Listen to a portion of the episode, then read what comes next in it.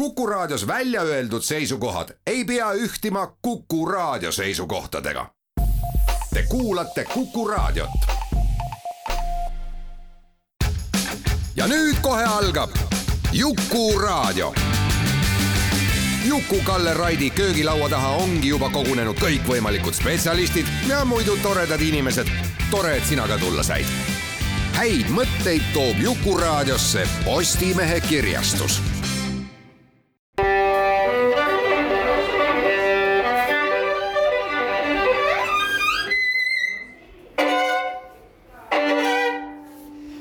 Laku panni. tere, hea Jukuraadio kuulaja, ilusat neljapäeva õhtut kõikidele. meie lineaarmatemaatika näitab, et Jukuraadio köögilaua, laual on numbrikene ka ees ja see on nelisada nelikümmend üheksa. nagu ütles tänane köögilauakülaline, professor Marju Kõjupuu, väga ilus number, eks ole? Ja tere, otse loomulikult on see väga ilus number sina ei ole köögilauda eh, päris jupp aega sattunud ja, ja ma hakkasin sind lausa igatsema, sest et meil on kuidagi nii, et see vähemalt paar-kolm korda aastas ju eh, me ikkagi millestki pajatame, mis on folklooriga seotud. Eh, jah, ma tunnistan ausalt, et ega, ega minul hakkas ka tekkima väike igatsus, sellepärast et on olemas teatud toredad inimesed, kellega on väga meeldiv kokku saada ja juttu rääkida. ja sina vaieldamatult kuulud nende inimeste hulka, aga võib-olla. arvan, et köögilaua kuulajad kuuluvad nende hulka. just, ja nemad loomulikult et aga noh, kuna me oleme vahepeal Nemokas kokku saanud, siis yeah. see võib-olla natuke vabandab. ja, aga mm, tänase äh, teema, õigemini meie siis see köögilaua istumise tingis niisugune asi, mille ma saan kokku võtta võib-olla siis ühte sõnasse, see on sõjafolkloor.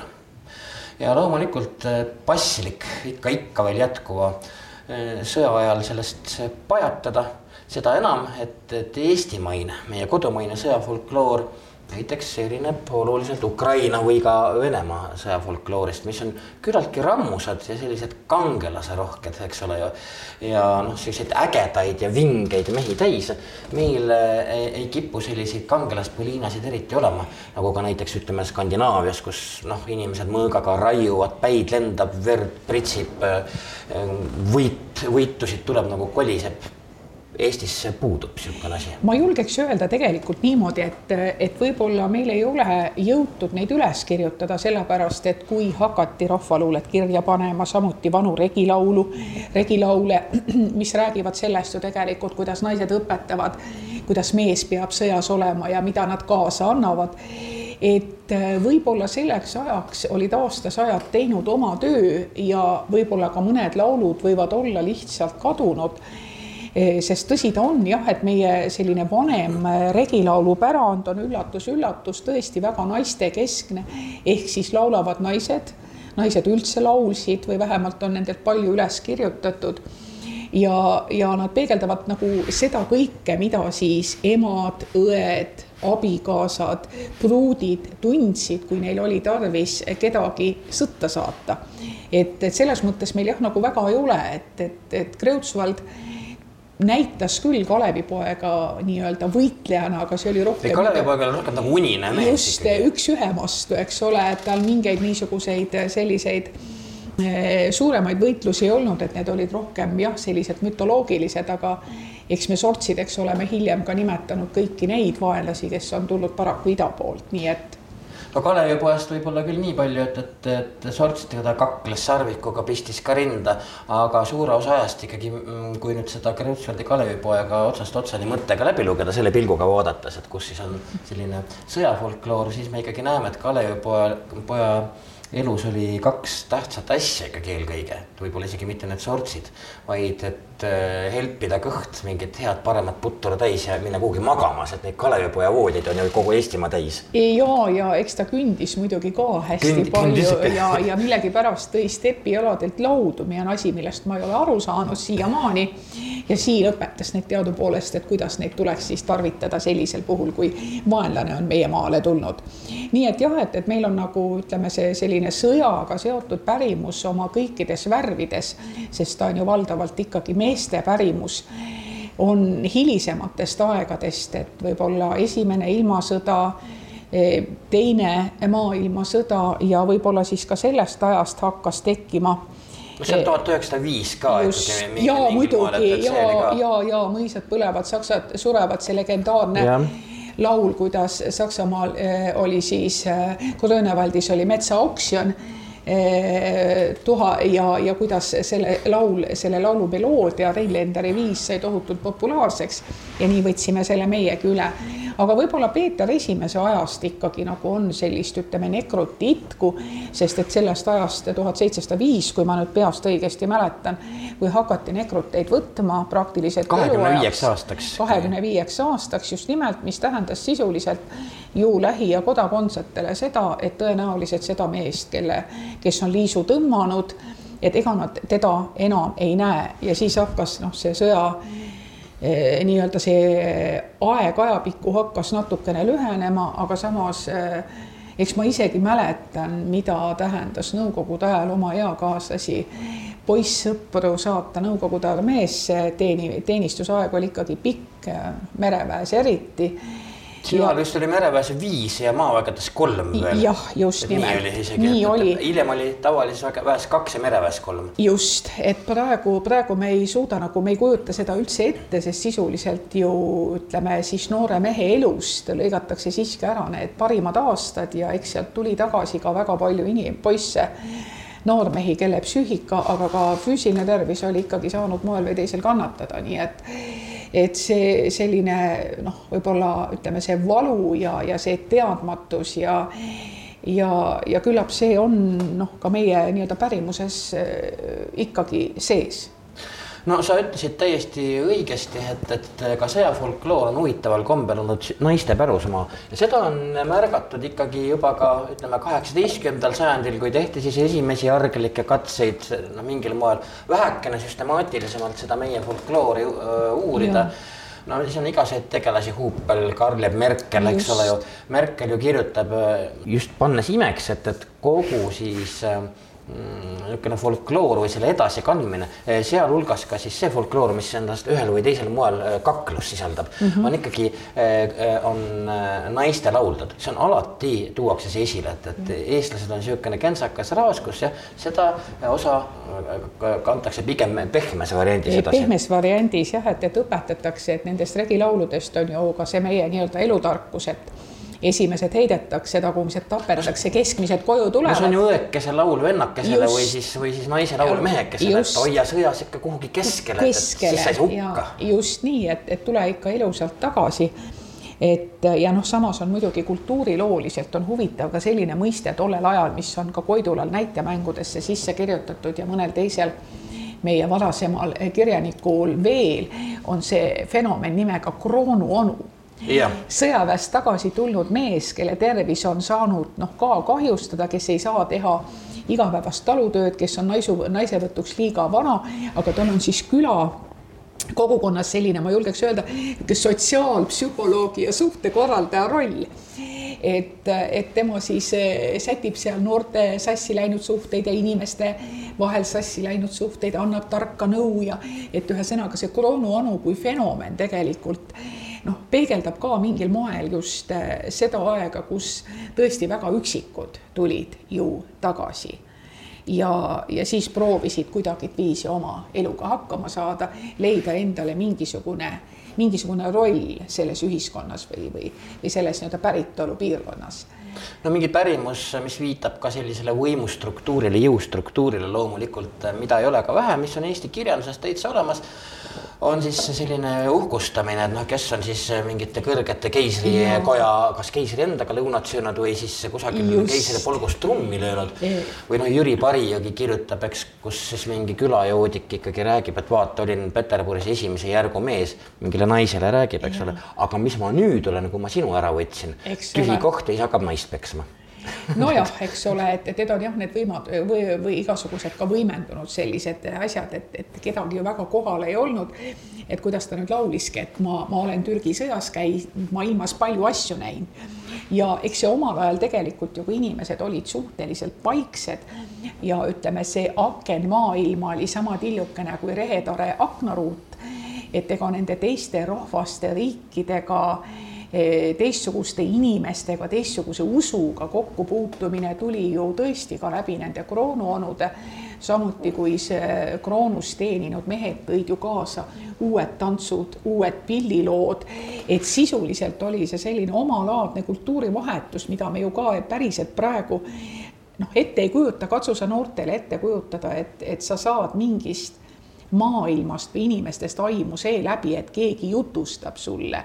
ja siis on ikka see, et jutusta ka julgesti, eks ole, et mm, -hmm. et kui veerand usud oled poole petta saanud või kuidas see oli et noh, see oli ka võimalus, eks ole, oma, oma lugusid, eks ole, noh, suuremaks rääkida, et kuidas see käis, et vatsat let služila, mina olin soldat redavoi, lasin Türgi pihta, ei, lasin püssist välja tina Türgi pihta oi,, oi-oi-oi. ja noh, sealt tulevad siis kõik need marsilaulud ja, ja kõik, kõik, kõik see kraam absoluutselt, muuseas selle Kroonu onuga tuli meelde, et, et jah, seesama eh, näide, millele siin vihjasid, eks ole ju, siis äh, lihtsalt ääremärkuse korras, kui köögilaua kuulajat huvitab, siis arhiiv.err.ee e on üks sellest üks väga pull lavastus, mis on täiesti ära väänatud, see äh, originaalne tekst ja see on Volkonski, Peeter Volkonski lavastatud Kroonu onu. ja vaat, kui sa nüüd ütlesid, siis tuli mullegi see selline šedööver meie teatri ajaloost meelde et, et tõepoolest, et, et nad on selles mõttes nagu ajatud ja minu jaoks isegi jah, tõesti omal kombel sellised tüvitekstid, et seal on olemas mingisugune point, noh, mida sa saad nagu eh, nagu siis ka tänapäevaseks sobitada. ja noh, eks sellega kaasas on selline teine osa eh, pärimust, mis on seotud ju sõjaväest eh, kõrvalehoidmisega yeah no küll seal enesevigastamised, käte raiumised, et, et jumala eest, et mitte seda kahtekümmend viit aastat äh, minna. jah, et, et mida kõike sisse ei söödud ja, ja., ja mida kõike ei tehtud, et äh, noh, sealt on väga palju ka sellist rahvahuumorit ja, ja rahvanalju tekkinud, kuidas siis püütakse neid haigete ja vigaste simuleerijaid vahele võtta, et kuidas mees näitab siis, et noh, näed, et mul on, eks ole, imetissõrm on kõver, et ma ei saa ju püssi lasta, et noh, aulik komisjon, et kuidas ma lasen. ja siis komisjonist keegi küsib, et aga kuidas see sõrm sul enne oli, mille peale noh, lihtne talupoeg läheb õnge ja sirutab sõrme niimoodi kenasti välja. et näed, enne oli nii, et nüüd on haigeks jäänud. ja noh, prooviti, prooviti seal ütleme siis sellist hullu või, või, või vaimselt labiilset inimest mängida, mulle alati meeldib ikkagi see, kuidas üks, üks noh, nii-öelda nekruti kandidaat haadas Venemaa vapi sülle ja röögatas, ah siin on need kaks kulli, kes mu kanad ära viisid. et, et noh, kõigi vahenditega, et nagu ei peaks seda katsumust, katsumust läbi tegema. ja ma, ma, ma ütleks küll, et noh, et tõepoolest, et need nekruti itke või neid leinalaule on ju huvitav uurida, aga psühholoogiliselt võttes või inimlikult võttes, ega ei oleks küll midagi ka pahasti, kui sellist laululiigil ei oleks või kui poleks olnud põhjust sedasorti laululiikidel, laululiigil tekkida meie, meie pärimusse, kus siis tõepoolest kogu küla saadab, nutab ja leinab, et see on ikkagi nagu noh, inimese ilusalt matmine no äh, sellised, ütleme, kangelaslood ja jutustused, äh, ka muuseas ka laulud, sihuke rahvussekka läinud laulud tekivad ikkagi rohkem seoses Vabadussõjaga. ja noh, siis, siis äkki me, nagu me teame, pärast Vabadussõda oli ju kangelasi äkki noh, iga ameti otsas ja eks siis mm. üritati ju oma, omi tegusid põlistada ka ja minu meelest on kõige ägedamalt selle võib-olla kokku võtnud tegelikult äh, Oskar Luts, eks ju, kes kirjeldab seda ja. kangelaslikku kiirt, kes tahab oma asunikku talu saada aga noh, et, et sealt tuleb ääri-veeri välja, et tegelikult oli ta kusagil laos või mis kusagil, iganes, eks ole, aga noh, et, et aga käis ikka mööda Paunvere ringi ja ärples, et, et tema on, on ikkagi põlvini veres sumpanud ja no, ja, ja, ja, no, oma asunikut. oma, oma langenud äh, venna Viktori eest tahab seda saada, et noh, minu meelest on alati olnud neid, kes on tahtnud olusid äh, ära kasutada, et kasvõi tuleme kasvõi tänasesse päeva ja, ja vaatame Eh, mis siin see tore näitus, mis hiljuti avati, tore selles mõttes, et see on, juhib väga valusalt äh, tähelepanu ka sellele, kuidas ütleme, Ukraina põgenikke on tahetud moel või teisel ära kasutada ja ja et, et ilmselt selline, selline geen on paljudes meis kahjuks siiski sees, et me püüame ühesõnaga täbarat olukorda maksimaalselt nagu enda, enda kasuks pöörata aga eks need jah, need hilisemad äh, või ütleme, need sellised laulud, uuemad rahvalaulud juba uuematele viisidele, et nad on sellised ka omal kombel üsna universaalsed, mis sobivad kasutada nagu mõlemal pool, mul on praegu käes Lauri Õunapuu koostatud külalaulik üks, mis siis on rahvalaule sajandi taguselt Eesti külatänavalt ja kui ma võtan siit natukene tsiteerida, paksu metsa keskel sammub luurajate salgake oma kätel, nemad kandvad ühte langenud seltsimeest. kanderaam ei olnud lihtne kokku seatud püssidest ja põiki olid mõõgad pandud, mis läikisid heledalt. noh, laulma ma ei hakka, aga samas see on just nimelt selline universaalne tekst, mis tegelikult sobib kasutada väga erinevates situatsioonides ja miks ka mõlemal pool rindejoont. ka metsavendade aeg, kui me saame, vot see peale metsavendade aega saame me ka ikkagi rääkida sellistest tõupuhastest kangelaslugudest, eks ja, ole. ja loomulikult selles mõttes, et, et noh, metsavendadesse suhtub ja meie ajaloodiskursuses on ütleme selline kahetine, et nendes nähakse kangelasi, aga samas on Bandiite. olnud ka neid just nimelt, kellel ilmselt ka närvikava ja mis kõik kokku jooksis seal metsas ja, ja nad käitusid ka nii, nagu ehk ei oleks pidanud käituma. ja noh, muidugi Oskar Loorits oma mm, eh, siis kirjutistega eh, okupatsioon eh, rahva kõverpeeglis ju andis, andis ülevaate nii Nõukogude kui siis ka Saksa okupatsiooni ajal ja eks see oli ka üks põhjus, et ta oli poliiti- või noh, poliitiliselt võttis väga teravalt sõna mõlemas suunas, et, et miks ta otsustas siiski ka Eestist ära minna omal ajal. et mina alati tavatsen sealt tsiteerida seda eh, värsirida, et sind issand kiidan kõigest väest, meid röövel päästis röövli käest.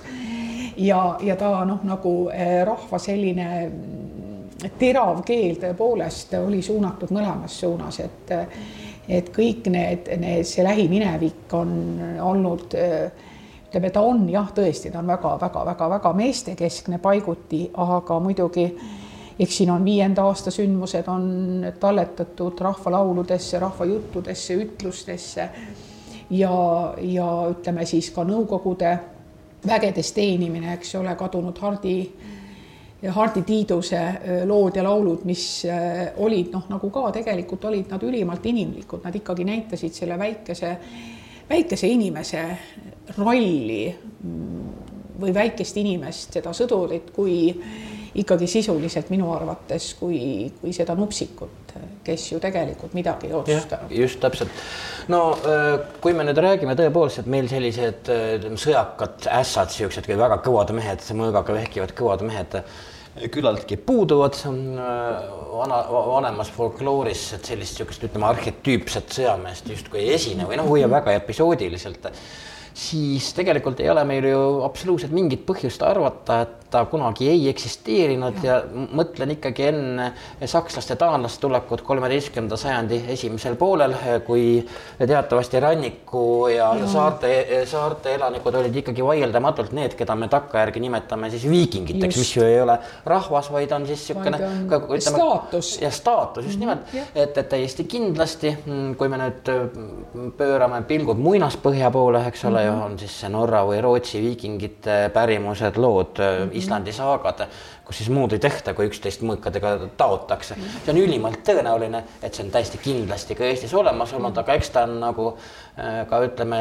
mingi linna väljakaevamine, et hilisemad kultuurikihid on selle nii ära matnud ja segi pööranud. ja loomulikult sellepärast, et, et ütleme, see mälu ja sõnaline kultuur, see ikkagi niisugusel kujul suulisena ei säili, kui see, kui meil on midagi kirja pandud siis me saame seda võtta ja interpreteerida, noh, nii nagu meie kujutame ette, et, et see võis olla või nii nagu meie noh, asjast aru saame, sest mida tähendab meie vanemas rahvakultuuris sõda, kui me loeme Mahtra sõda, eks ole, siis ma mäletan, mul oma lapsed õppisid, siis oligi see küsimus, et noh, et mis, mis sõda siin on, et mehed, paarkümmend meest võtavad kaikad, eks ole ja, ja tulevad mõisaõue peale mölisema põhimõtteliselt. või, või näiteks see Räpina, Räpina puuaia sõda või Miski või Pühaääre sõda, et need on ju tegelikult talu nii-öelda toonaste reformide vastu, kus siis see õnnetu talupoeg ei saanud päris täpselt aru, mis toimuma hakkab ja ta oli eelnevalt juba meelestatud, et ega paremaks nagunii midagi ei lähe, nagunii läheb sandimaks, järelikult tuleb minna ja, ja klaarida. no tema arvas, et ta saab maa kohe kätte, eks ole, mitte ja. ei pea seda hakkama välja ostma ja kõik ja need peened ju, juriidilised nüansid, mis sinna juurde ju käisid, see orjusest vabastamise juurde. ja kas ta, kas ta üldse sellest päris täpselt aru sai, et noh, ütleme meie need sõjad on olnud jah, pigem sellised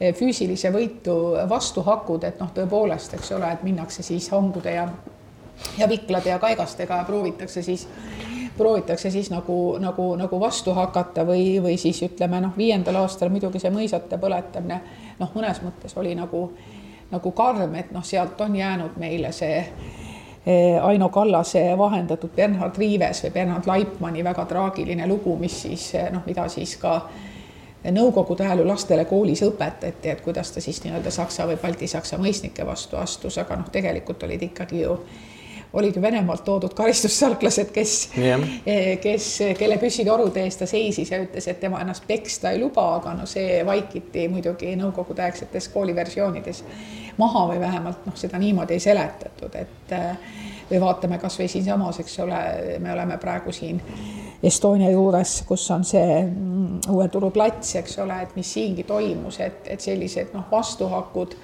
vastuhakud on toimunud, aga, aga ehk sellest noh, räägitakse natukene, eh, natukene nagu vähem, et, et need sündmused väga-väga pärimusse pole ehk jõudnudki, rohkem on, rohkem on võib-olla kirjandusse jõudnud, et meie eh, meie lugu nii-öelda siis eh, vaadata siis läbi, läbi romaanide, läbi jutustuste. aga üks asi jah, miks me saame ikkagi noh, ikkagi üsna kindlalt oletada, et, et selline vapra kangelase, niisuguse jõhkra sõdalase niisugune mehelik kuvand on kindlasti mütoloogias kunagi eksisteerinud. sest jälle tulen korraks sinna sama kaheksateistkümnenda sajandi juurde tagasi, kus siis toonased ütleme Eesti rahvale kaasa tund-, kaasa tundvad mõisnikud või siis ütleme, kõrgema seisu inimesed, kes on seda folkloori vähekene uurinud, siis nad kõik räägivad jah, sellest muinasaegsest vaprast vastupanust ja muuseas tuletades ka meelde, et huvitaval kombel, et, et just eestlaste kohta on seda kirjutatud, et naine võitles sõjatandril mehega õlg õla kõrval.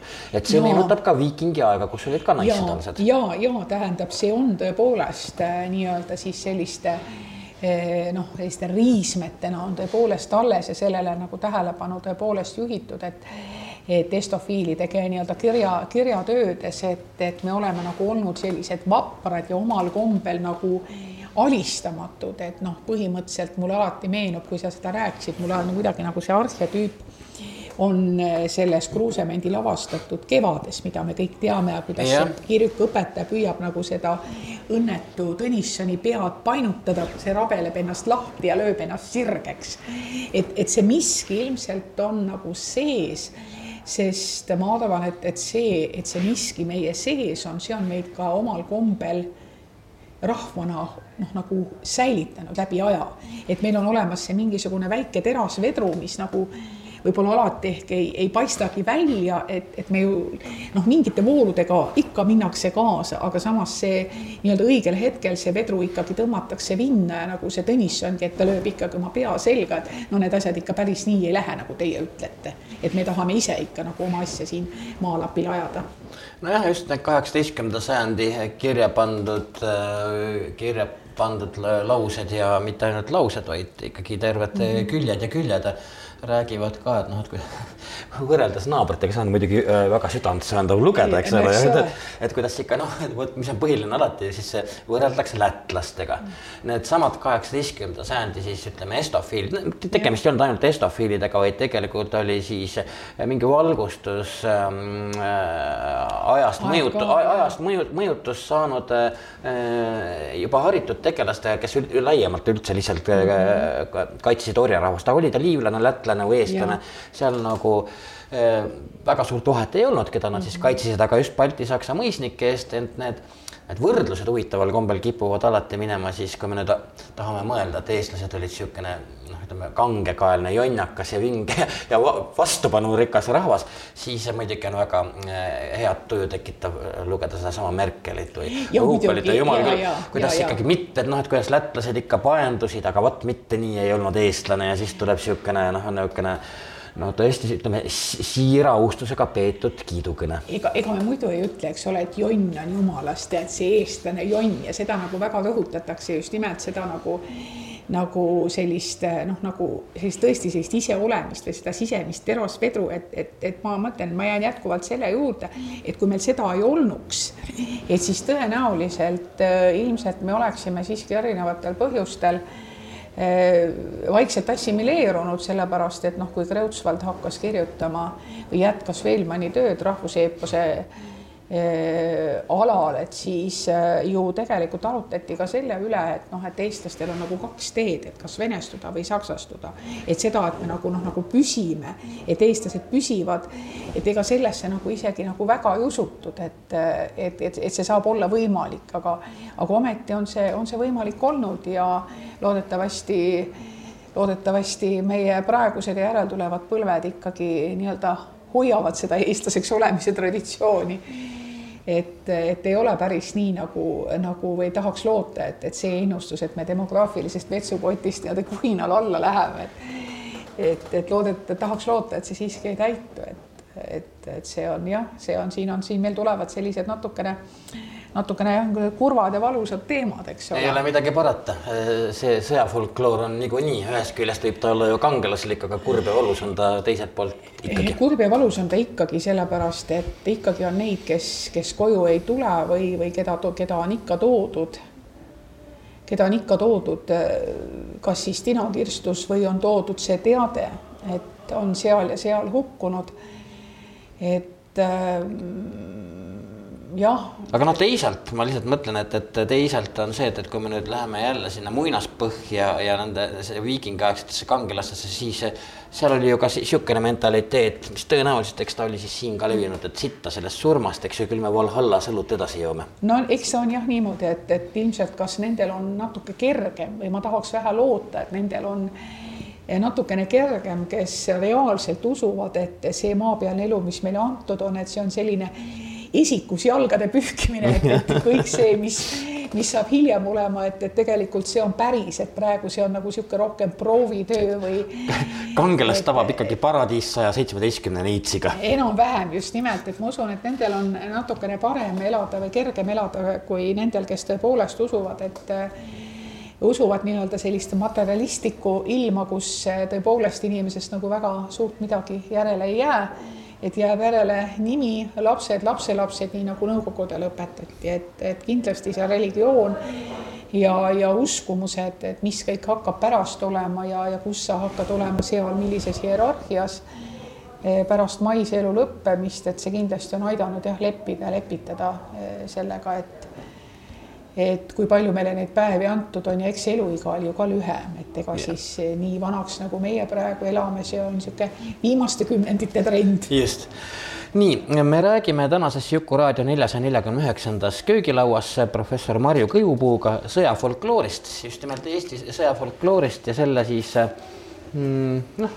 ilmingutest. me teeme pisikese pausi ja oleme kohe Marjuga tagasi.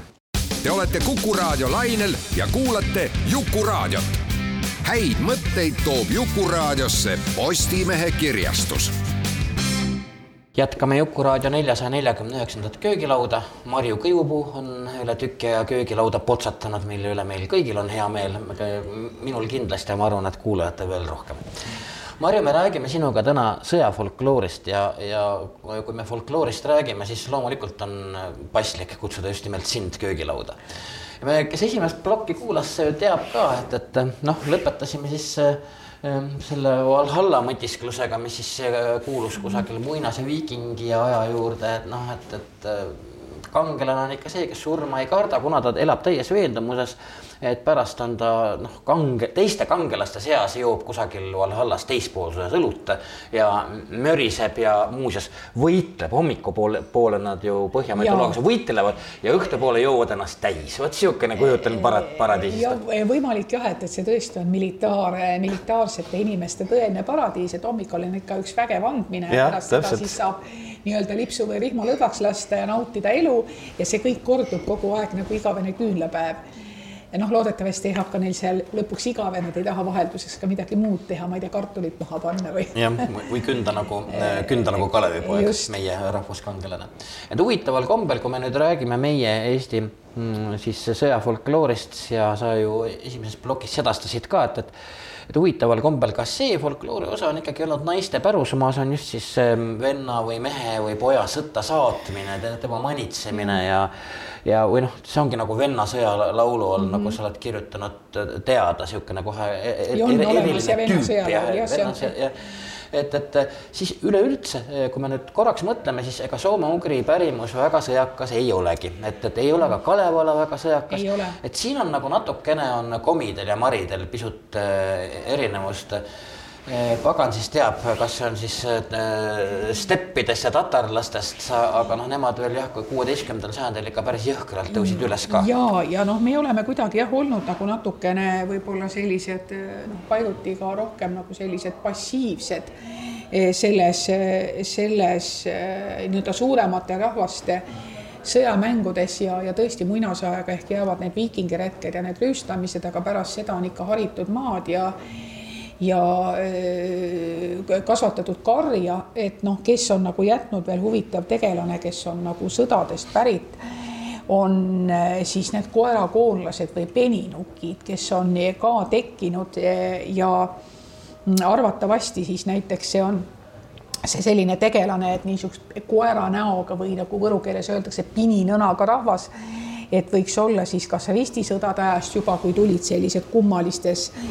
kummalistes raudrüüdes või mida nad kõik kandsid. no see võis ikkagi just, saadik teisest maailmast just, olla ikkagi inimene, keda ümbritseb mingisugune rauast kest. see Vene piivisõda, mis siis kuueteistkümnendal sajandil oli seal keskpaiku, et siis neil olid ka sellised, eh, noh, tõesti sellised koera koerakoonu meenutavad näokatted ja, ja samamoodi siis olid ka sadulal olid need koera peakujutised nendel Vene oprečnikutel. oprečnikutesse koerakoonlased arvatakse, sest nemad ja. ju tegelikult nii-öelda ratsutasid mööda maad ringi ja karistasid ja, siis, keda kätte juhtus, et, et just, et ja see koer tähendas siis truudust tsaarile, eli antud hetkel Ivan Julmale.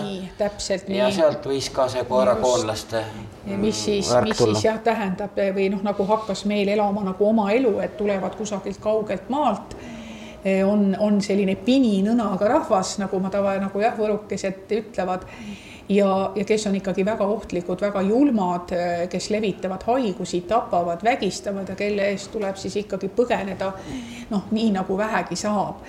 et et, et kuidagi jah, et, et selline sõjategevus on siis ja loonud ka sellise mütoloogilise, mütoloogilise olendi, noh, mis nagu ikka, eks ole, et, et ta põhineb millelgi, aga ta hakkab nagu rahvasuus juba täitsa oma elu elama ja, ja siis äh, on nagu jäänud, eks ole, et, et nende ilmumine tähendab tavaliselt ikkagi midagi, midagi väga halba või maailma lõppu või, või midagi väga-väga kurja jah, ja, ja mitte jah, sa ütlesid jah, et mitte nad ei toonud ainult sõda ja hävingut kaasa, aga tihtipeale ju meie äh, sõjafolkloori äh, otsapidi paratamatult puut-, puutub ka katkufolkloor, sellepärast eks nad ju kandsid seda ja eks siis toonane inimene pani selle lihtsalt kokku, et sellega ei tule mitte ainult mingit äh, hirmsat veretööd kaasa, vaid nende järel käib ju mingi karm haigus, mis, mis tapab kõik ülejäänu. ja samuti halltõbi, mida just ja. eriti Lõuna-Eestis kirjeldati ja mis võis olla nii-öelda siis ka toodud kusagilt sealt stepialadelt, on see nii-öelda võimalik, et malaaria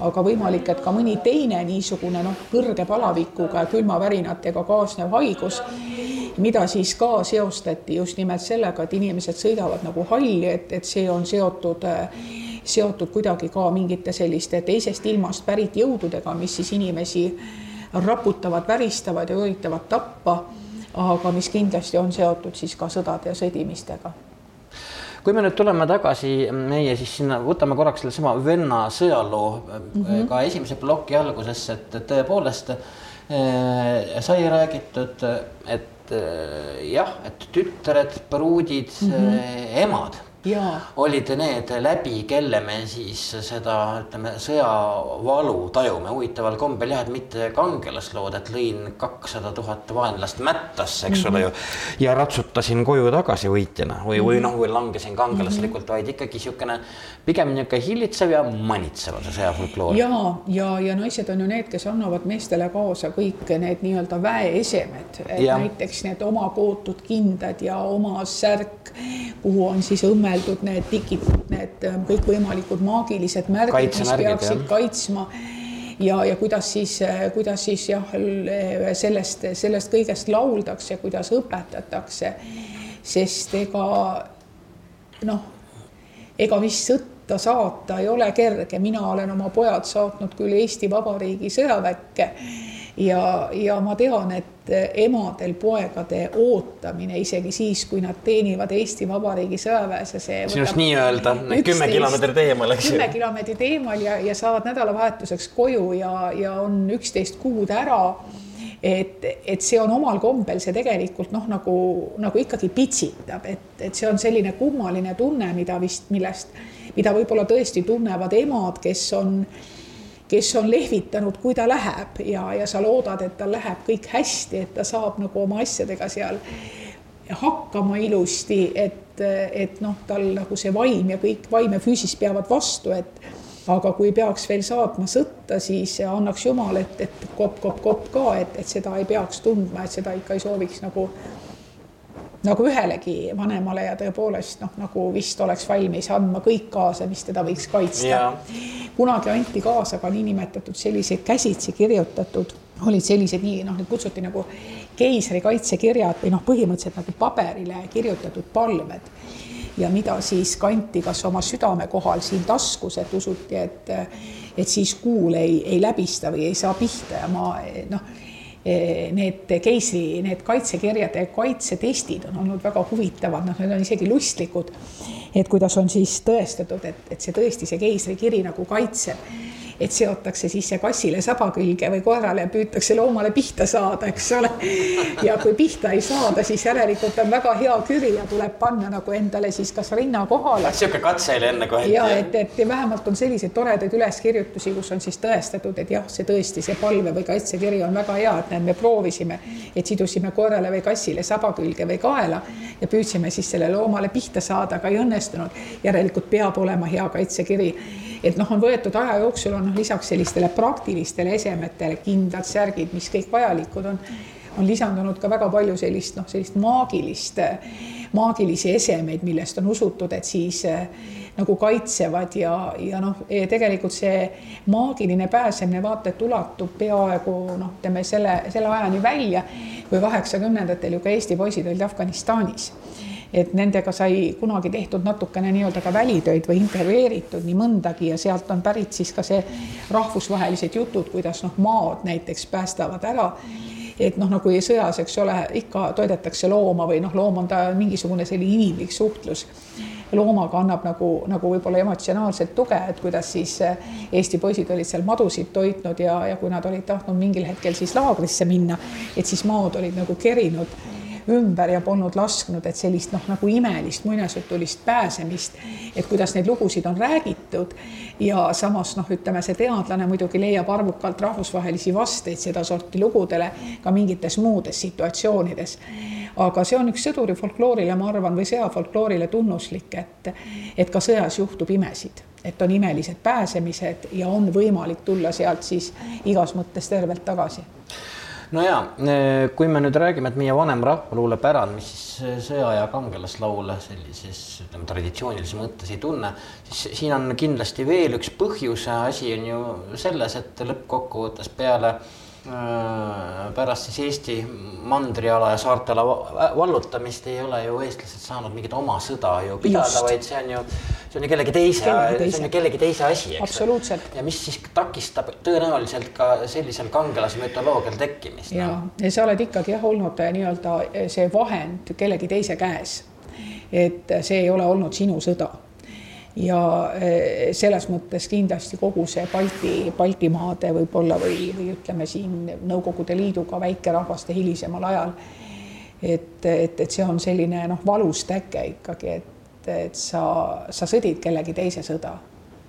ja miks ma arvan, et eh, nii mõnedki need, kes on kamandatud praegu Ukrainas seda õudset tapatööd tegema, tegelikult tajuvad ilmselt ka, ma, ma tahaks väga loota, et seal on ka neid mehi, kes tajuvad, et et tegelikult see ei ole nende sõda. eks see sõltub ajupestluse astmest ka, eks ole ju, et, et sinna ei ole midagi parata, et noh, et, et kas, kas ta tunneb, et ja. ta täidab tsaari käsku ja, ja sellega seoses oma kohust kodumajas, eks ole.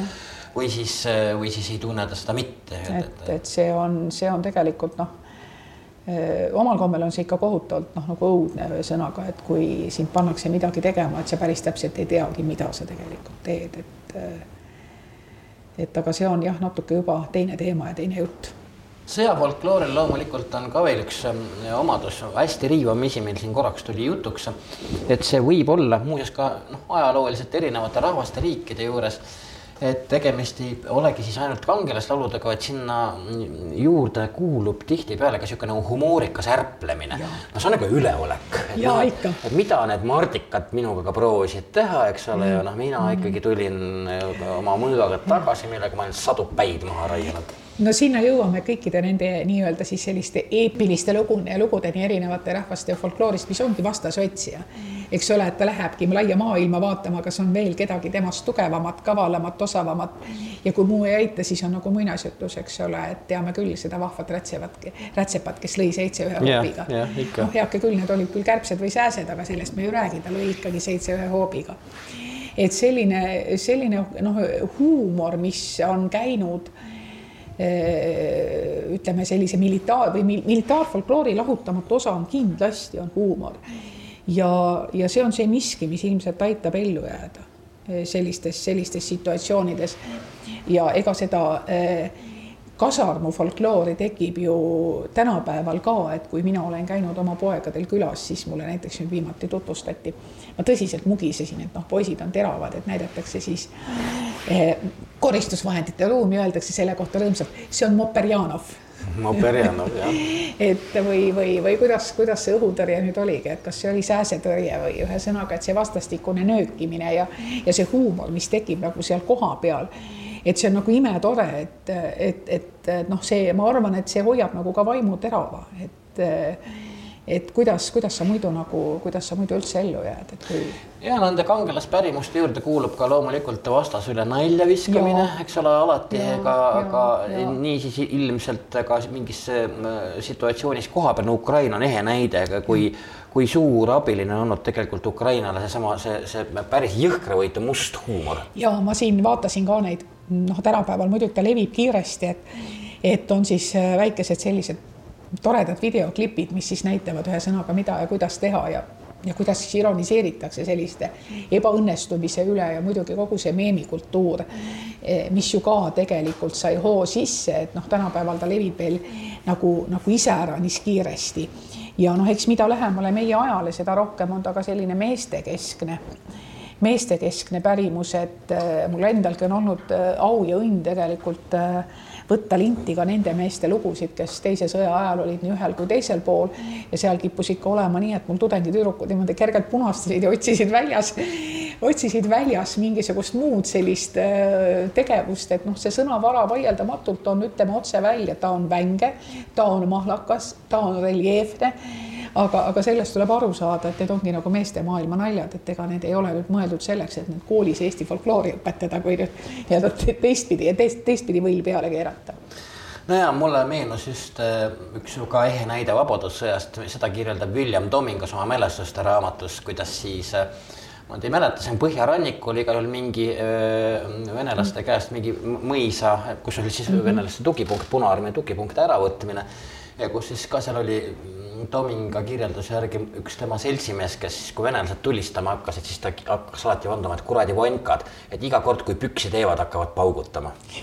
et noh, ka ehe näide, eks ole mis ja. näitab absoluutselt üleolekut, et noh, mingid Aga... mõttetud vonkad, püksid on täis, nüüd paugutavad. jah, jah, ja see on tegelikult noh, seesama, see moraalne üleolek annab ju väga palju juurde sellele noh, kui sa, kui sa nagu oled ikkagi oma kodumaa ja oma asja eest oled nii-öelda väljas.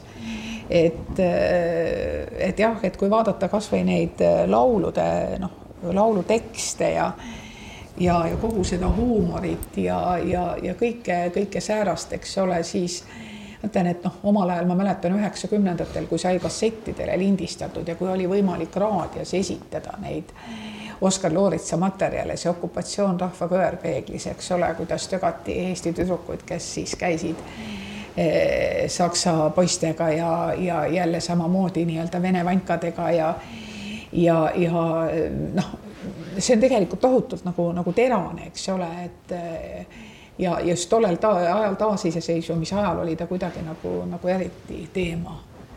et et tajuda, et, et me noh, asume siin, eks ole, et me oleme kunagi olnud sellise kahe suure vahel, kellel on omavahel mingid asjad ajada, et me tegelikult ju ei puutu asjasse.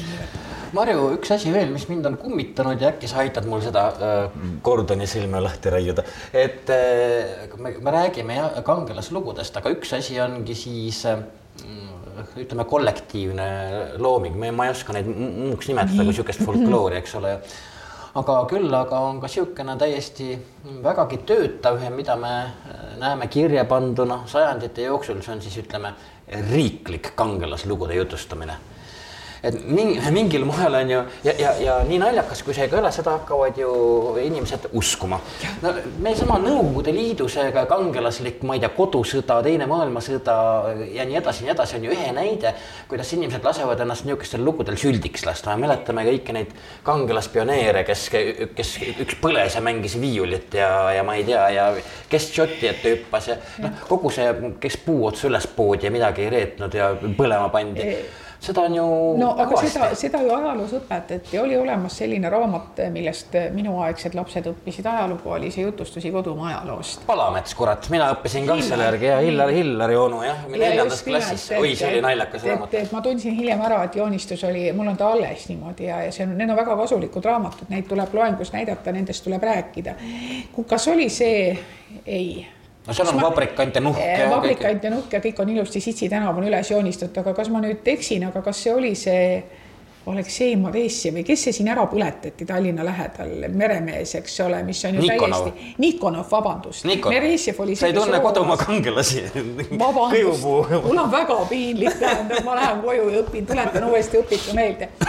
ja muidugi, eks ole, aga siis ja, või noh, näiteks praeguseni arutletakse selle üle, ma just vaatasin hetk tagasi oli vist kas oli Essel Õhtulehes oli taaskord selle Helene või Leen Kulmani yeah. nii-öelda see kaksi, võimalik kaksikelu eh, lahti võetud või noh, proovitud seletada, et et sisuliselt on just nimelt see, et, et see on, rakendataksegi ideoloogia ette, need on täpselt samasugused kellegi poolt välja mõeldud lood nagu muinasjutud, nagu nagu anekdoodid, me tegelikult ei tea, kes need välja mõtleb, aga need lood on täielikult noh, tõesti ongi ajupesuks mõeldud. et äh, palju kurvemad lood on sellised, näiteks kui ma siin Lõuna-Eestis üheksakümnendatel välitöid tegin, kuidas noh, vanad mehed nutsid ja miks nad nutsid, vaat me hakkasime nüüd kampaania korras eemaldama neid Nõukogude mälestusmärke igalt poolt, eks ole, need tundmatu sõduri hauad ja ja kuidas mehed niimoodi võtavad, võtavad, me võtamegi koos, pudel on laua peal ja näed, kuidas vanal mehel need jämedad pisarad jooksevad ja siis ta ütleb, sa tead, kuidas seda tehti. et pärast sõda, et metsa alt tuli ära korjata, ühesõnaga kõik see, mis oli sinna lahingutest jäänud mm, -hmm. just nagu ütleme siis inimjäänused, vabandage kuulajad yeah,. ja kuidas siis ühesõnaga tõsteti neid lihtsalt noh, kirstudesse, et sinna ühte kirstu võis sattuda kokku väga mitu inimest väga erinevatest osadest ja punase sitsiga ja kaeti need kirstud ja siis tekitati nii-öelda siis selline vennashaud. ja et kuidas siis ta ütles mulle, et, et umbes kolm kilo andis ühe normipäeva. ja kuidas siis inimesi noh, sunniti seda tegema et siis ma just hakkan, ma, see oli see hetk, kus ma mõtlesin selle peale, et noh, kui palju näiteks ka maastikul on selliseid mälestusmärke mis, millest me tegelikult ju nagu noh, päriselt ei, ei räägi, eks ole, mis ja kuidas nad sinna sattusid, kes sinna päris täpselt maetud on ja kuidas seda kõike korraldati, et kuidas need, need rituaalid olid. ja loomulikult noh, kui sa laps oled, sa usud, lapsel on vaja kangelast, on tarvis, need on ju üleloomulikud kangelased no,, samamoodi nagu, nagu muinasjuttudes. no pea noh, täna, tänapäeva lapsel on Batman, eks ole, meile võib-olla on see mingi seitsme penikoorma saabas või, või viskab mingi oksa üle selja tekib mets. et, et see loob mingisuguse täiesti sellise noh, nagu võltsheroismi ja ma pean tunnistama, et nõukogudeaegse lapsena pikka aega mul oli kinokunst suhteliselt vastuvõetamatu, sest seal näidati ainult sõjafilme. me käisime kohustuslikus korras vaatamas. ulatab ka minu lapsepõlve. just nimelt, eks ole, ja minu jaoks filmikunst mingis vanuses võrdles sellega, et, et noh, et seal pommitatakse, noh, suhteliselt süütumad olid hiljem juba neli tankist ja koer, eks ole, mis omakorda ju tegelikult romantiseeris sõda. jah, no see. või, või, või, või ühesõnaga, olgu see kapten Kloss või või, või ühesõnaga need lapsepõlvefilmid, mis tegelikult ju, ju seda kuidagiviisi ikkagi nagu mm, jah, tegid sellest kuidagi nagu noh, ma ei oska öelda, ühesõnaga see kõik oli nagu leebe soft variant, eks ole. romantiseeris on väga õige, sellepärast et sealt tuleb ka siis see, et, et kuidas Nõukogude inimene armastab sõdida, eks ole, ja kõik see, sest et noh, sõda. ja õilsal eesmärgil. ja ka kangelaslikku ja ja nii see on, nii et, et, et ütleme, riiklik kangelaslaul on palju hullem kui igasugune folkloor. absoluutselt, sellepärast et see on tehtud teatud suunitlusega mõjutada inimese psüühikat ja ta läheb väga teadlikult selle peale välja just nimelt, et väike laps, eks ole, et, et ta hakkab looma noh, mingisugust kujutelma, kuidas peab käituma e,. oli see Pavlik Morozov, eks ole, kes oma isa üles andis ja ja, ja muud säärased asjad. niivõrd-kuivõrd ta ikkagi eksisteeris. ei no see on, ma ütleks, et see samamoodi on ta ju literatuurne ja, ja mida mingisugusest motiivist võib kõike kirjutada, eks ole, et, et, et see on täiesti noh, omaette ikkagi propagandatööstus. Ja ma julgen öelda, et ega, ega ida pool on ta päris tasemel, kes nüüd kirjutas tänas, täna või eile ajalehes just nimelt sellest, et et me tegelikult just nimelt peame nagu siiski tegeleme ka sellega, et noh kuidagi nagu, nagu selgitada, et mis seal toimub, sest lihtne yeah. inimene usub, tema on harjunud, eks ole, siis me peame, me läheme tegelikult ju õigeusu kultuuriruumi, kui me vaatame ida pool. seda, mida kirikuõpetaja räägib, see on tõsi, sest tema teab, kuidas asjad on. lihtne inimene ei aruta selle üle. ja ei vaidle. ei vaidle sellega, eks ole, et see on, see on täiesti, ma lugesin just äh, Mati Lauri seda nii-öelda Venemaa kujunemise lugu, mis taaskord avab selle, et, et me ei saa. ta oli kaks saadet tagasi just, et me ei saa seda idanaabrit käsitleda käsitleda nii-öelda iseenda seisukohalt, et, et sellesse sisse minna on väga keeruline. mõista seda, mis seal toimub nii, aga meie neljasaja neljakümne üheksas istung, köögilaua istung on paraku läbi saanud, Marju. Marju Kõivupuu, aitäh, et sa tulid, me üritasime pajatada siis sõjafolkloorist, pajatasime ka. meil oleks teist tundi veel vaja olnud. ja aitäh, et sa kutsusid, see tõesti on. väga... võtame selle ükskord veel ette. võtame, sest et see on selline lai teema, millele millele saab praegu nii-öelda, meil oli väike heline helikopteri vaade. just, täpselt. aitäh Marju Kõivupuule veel, nelisada nelikümmend üheksa, Juku-raadio on läbi, järgmine nädal oleme uuesti. ole mõnus, Marju. aitäh kutsumast, palju tervist.